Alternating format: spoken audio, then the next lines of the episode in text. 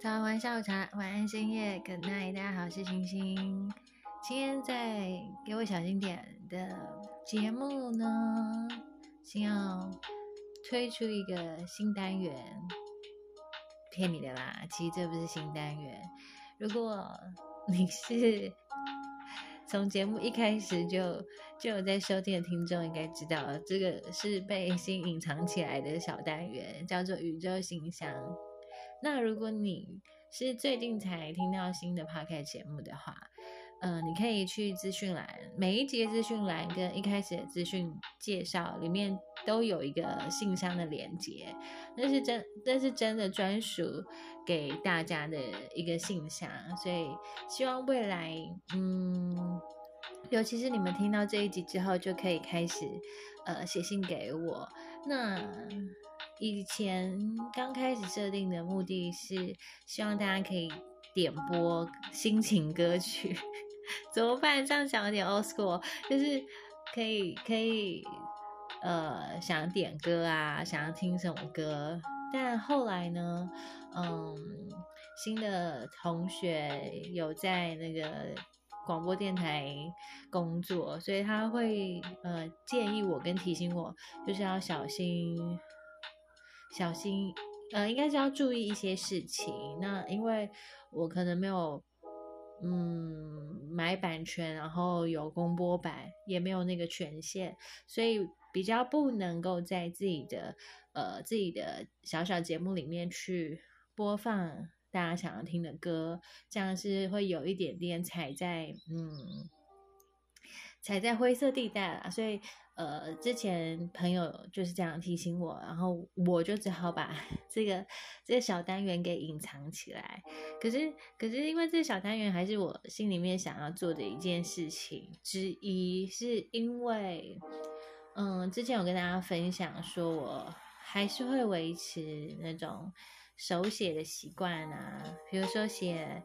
小卡片呐，小卡、明信片、生生日卡或祝福卡，我都还是喜喜欢用手写的方式。嗯，朋友啊，或者其他人送给我，我也都会把它收起来，或是贴在贴在冰箱上，贴在家里面的可以布置的角落。我我很喜欢珍藏这些 有的没有的小东西、小心意。那所以，嗯，想到手写的。温度手写的感受，我就会觉得说，其实写信跟回信这件事情也是非常的带有情感的。那要怎么样能够继续保持这样子的传统跟这样子的习惯呢？所以就。就开设了信箱，虽然呢，这个信箱并没有很多人知道，可是其实里面是有有人写信的。那我就一直都放着，没有 没有去特别的把它拿出来利用，或是 拿出来使用。可是我都默默的收在这个专属大家的宇宙信箱里面。所以，那今天如果听到这节目，你有冲动也好。想要说些什么也好的话，就就是打开信箱写写东西给我。那在宇宙信箱里呢，嗯，我觉得啦，我还是不要设限你要写什么，因为这是你的你的自由。可是当你写信给我的时候，你可以注明你是要匿名，或是你呃愿意分享。那我只能先跟大家讲，我没办法。播歌也没办法在节目里面清唱或者是伴唱的方式送给你们，因为这个就是技术上面跟啊，总之就是有一些事情我们需要注意的。但是你还是可以分享你想说的故事，好了，或者是心情，或是困扰，嗯，甚至是你真的很想点歌，但是虽然我们不能够听歌。可是可以借由这个歌曲，你想要传达的故事也好，觉得就是做一个分享跟交流，就是这么简单。其实没有那么难，就是就是提笔写信有那么难吗？现在应该不是提笔写信了，现在就是打开你的信箱，然后输入几个字，应该没有那么难。那你会不会收到我的回信呢？会，因为我是一个有礼貌的孩子，所以我会简单的回复你，然后会把呃宇宙信箱里面的信收集起来，几封几封，然后就录制一集的节目跟大家分享。所以。如果你听到今天这集的节目，就事不宜迟，话不多说，心动不如马上行动，就点开你的信箱，然后寄信给我吧。那新的 email 是呃，我看看哈，毕竟这个尘封已久的信箱实在是太少使用了。好，嗯，新的 email 的。名称是新 Infinity 十六，X I N I N F I N I T Y sixteen 十六，然后小老鼠，呃，后面的网址是呃 P R O T O N M A I L dot com，好。OK，你们自己去搜 搜寻，反正就在资讯栏里面，我就不再念一次了。那今天在宇宙信箱的这一集节目里面呢，要先分享，嗯，我真的很对不起他们，就是他们其实已经写信给我 N 久以前，我看一下，哇，是二零二零年的十二月二十八号，也就是我第一集开播的时候，就有个粉丝就写信给我了。那，嗯，我相信他应该能够知道为什么我一直 迟迟没有念出他的信。那我想他应该不会责怪我，因为 他算是呃，星星开台开直播，然后写东西、创作、唱歌，一直到录制 podcast 节目，这一路以来，他都是很支持跟。很忠诚的，很忠诚的陪伴的一位老粉铁粉。那他那时候，嗯，在二零二零年，我现在讲起来都觉得很抱歉。现在是二零二二年了，我我们的时间过得比较慢一点，懂吗？在新的国度里面，我们时间可以过得慢一点，有更多浪漫的可能嘛？他说：“新，他想要点一部，呃，我想要点一首。”只要你过得比我好，这首歌好，我我我没办法在节目里面播给大家听哦。那他想要跟大家跟我分享的是说，嗯，最近突然想到多年前最深刻的一段感情，对方是我最认真对待的一位，但是因为当时我。因为工作的关系，必须常驻国外，而且当时不知道何时有机会回来台湾。为了不让对方等待，所以就选择了和平的分开了。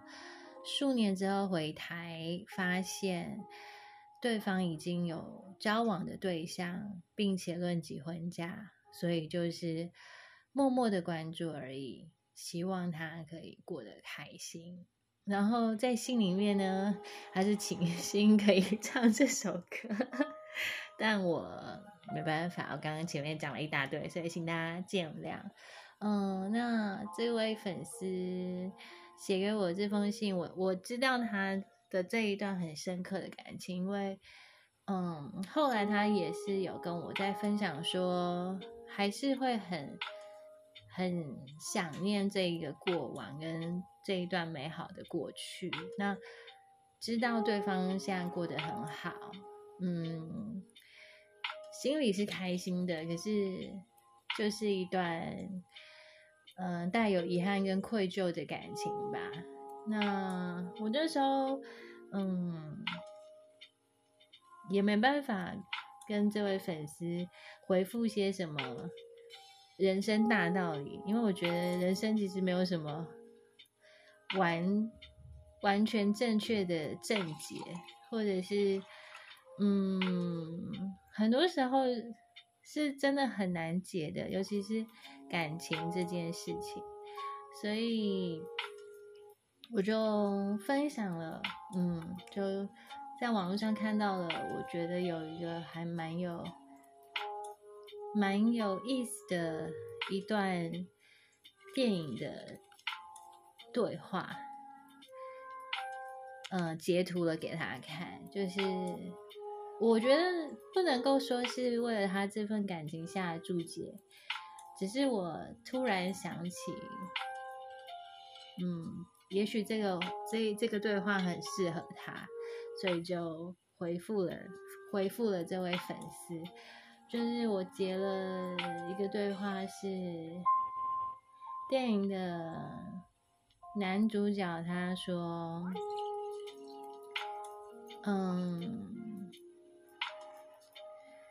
我们的感情就像风一样，我看不到他，可是我可以感受得到他。”所以，当我在看到这一段电影的对话的时候，我第一个就是想到这个粉丝朋友，我就回复了他，贴给他看，应该就是贴给他看，因为我觉得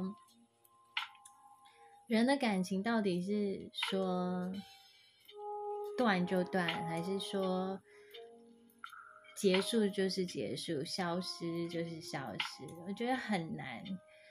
嗯，然后有些有些，嗯，有些爱，有些感情的延续，它可能透过各种方式，在你的心中继续的存在着。嗯，这这已经不关对方的事情，这也不关任何人的事情，这其实都是都最后回归到自己身上。那关于爱的这件事情，我们也很难够，也很难能够好好的去，嗯，该怎么说？就是这好难，这应该是人生当中最难的题目吧。或许五年之后、十年之后，我不会这么认为。可是目前，我觉得这真的还是人生当中目前很难的题目。所以这位粉丝，嗯。他点的这首《只要你过得比我好》，嗯，有没有一种心酸酸的、心酸酸的 feel？但还是希望他想念的这位对象，就像他说的，过得开开心心、平平安安、健健康康。然后我的这位粉丝朋友也一样，我也希望他也能够得到幸福，所以就送给他了电影当中的一个对白。就是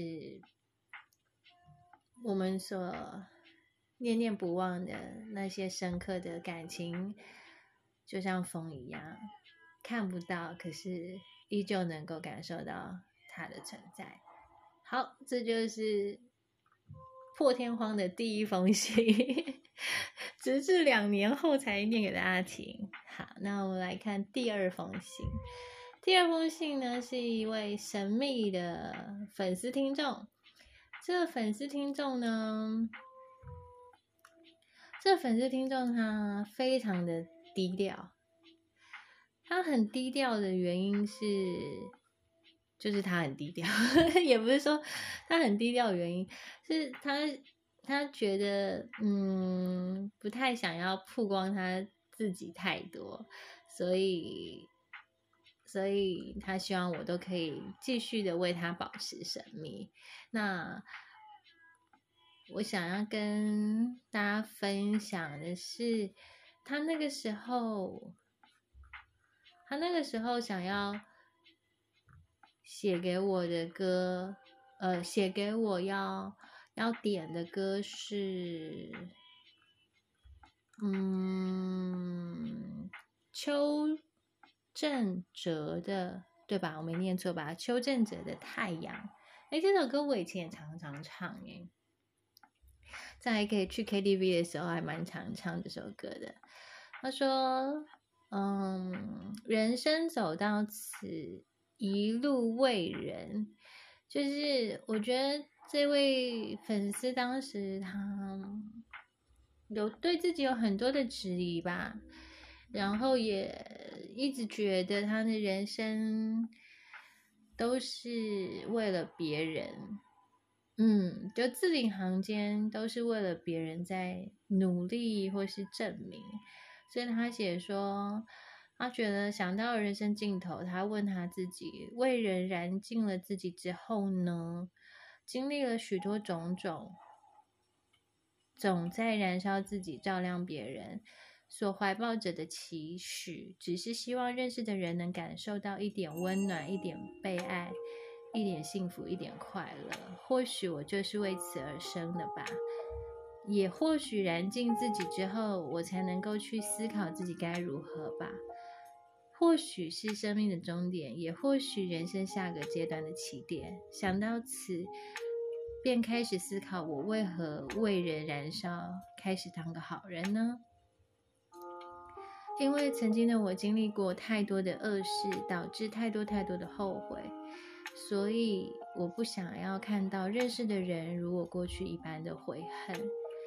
在《太阳》这首歌词当中，他特别写下：“你总感到落寞、沮丧，总感到失望。对于人生未来，总有太多迷惘，总伪装自己不痛，总笑着逞强。对爱情害怕，碰触、放弃、挣扎。”然后他说：“他期许自己像个好人一样。”因为就像是歌词里面写到的，如果有一天你不再记得我，关于我们之间所有的所有，没关系，只要你幸福就够了。所以这位粉丝他，嗯，希望能够继续为人努力发发光发热，然后。最后，他在信里面还祝福了星星，就是呃，希望我的节目一切顺利，要保重好自己的身体，然后期待期待听到下一个故事，也希望我能被这一点点的温暖照亮，健康平安喜乐幸福着。然后再次强调，他是一个很低调的人，不要公布他的来信。呃，名字不是来信这样，然后谢谢他。这位粉丝也是很久以前就听着星星的直播，一直到现在。那他是一个，据我这些日子以来的观察跟互动，我觉得他是一个，嗯，虽然我不知道他经历了什么，可是我觉得他很希望，很希望能够。为身边的人带来幸福，也很希望能够用自己可以的力量去创造更多的幸福跟快乐。嗯，比较算是一种牺牲奉献的 那种那种个性吧，在我看起来跟感受到的啦，会会觉得嗯。为自己心爱的人、在意的人努力、牺牲、奉献是很好的，可是怎么会就是会感觉到很心疼，或者是会觉得委屈吗？或许我也一直是这样子的人，就大部分的时间，甚至是活了好多年，大部分也都是这样子，所以看到。他写的字会有一种，嗯，莫名的同理之外，也会觉得啊，真的不不必要 这样下去。所以当时的我，这时候这封信啊，这封信也是二零二零哦，二零二一年年初，其实都是在节目开播的时候，他们就写信给我。我那时候回的信我还留着，我也念给大家听好了。嗯，我写写，呃，我写给他说谢谢他的来信。嗯，我是这样写的啦。曾经觉得像太阳般闪耀光亮，给别人希望温暖，付出奉献，让自己觉得被需要，觉得自己好重要。但时间久了，会期待得到回馈，甚至会开始埋怨自己的付出不受肯定，也不被重视，更不被珍惜，是吧？是不是这样的声音都在心里回荡着呢？我觉得我在写这一段回复的时候，其实我也想要跟他讲，我也曾经是这样，甚至我觉得两年之后的我也还是有这种感受。嗯，我继续写的。虽然我知道自己并不是太阳，但仍然了解太阳是很重要的。只是我不是自己的太阳，我也不是自己的。谢谢你的分享，愿你的人生如同我的回复一样，多看照着自己，才能够有力量成为想要成为的人。内耗的人生，最后烧毁的是一片初心而已。共勉之，请成为自己的光，暖暖自己，然后再拥抱自己。嗯，然后 就署名新 Star 这样。我现在看我自己写的字，我觉得我那时候真的可能是跟他，嗯，处在类似的情境当中吧，就。燃烧殆尽之后，还剩下些什么呢？嗯，好希望自己被看到、被需要、被狠狠的拥抱着那样子，就是一直不断的、一直不断的消耗自己，然后可是得到的好像都是空，所以我觉得那时候的我回复他的心，其实也是在提醒自己。先照顾好自己，先让自己发光，然后把自己照顾好，好好的爱自己之后，我们才有力量去看到身边的人，才能有力量带给身边的人更多的幸福跟快乐。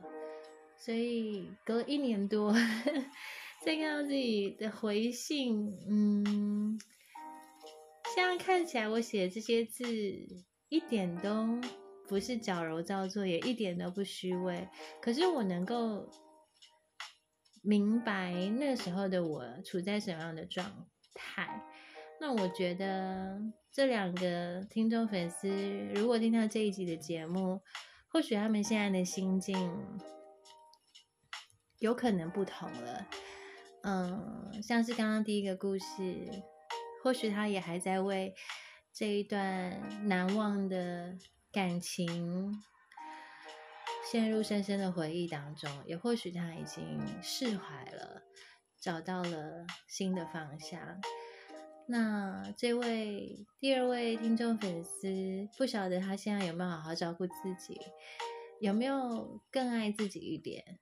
那希望他也能够像太阳一般，先好好的。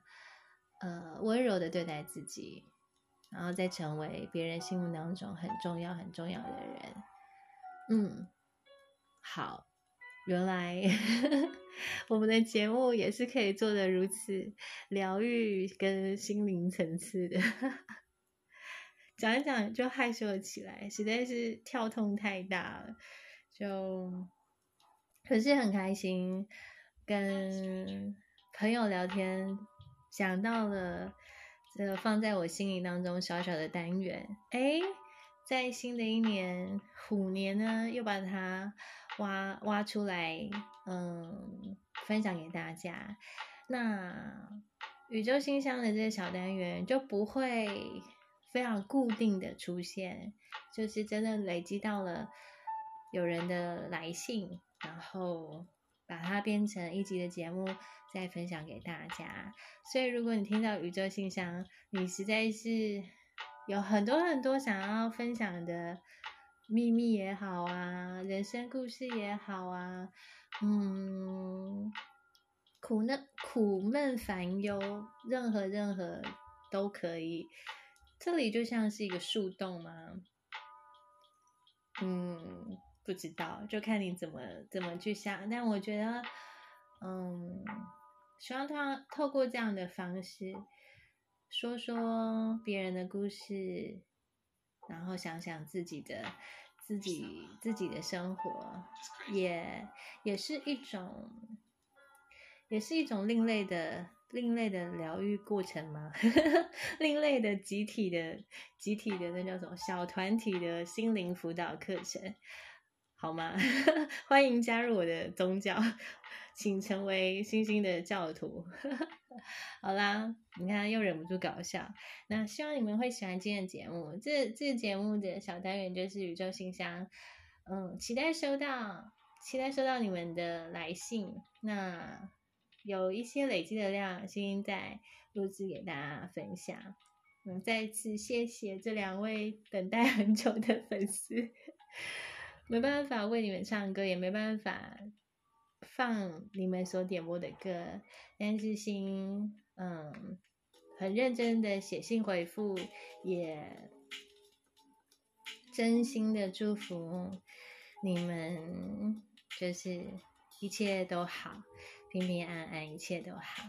好，那我们就下集。下下集下个节目下集见喽！好，我是星星，欢迎追踪新的 podcast，给我小心点，还有请到我的 IG 玩，我们下次见，拜拜。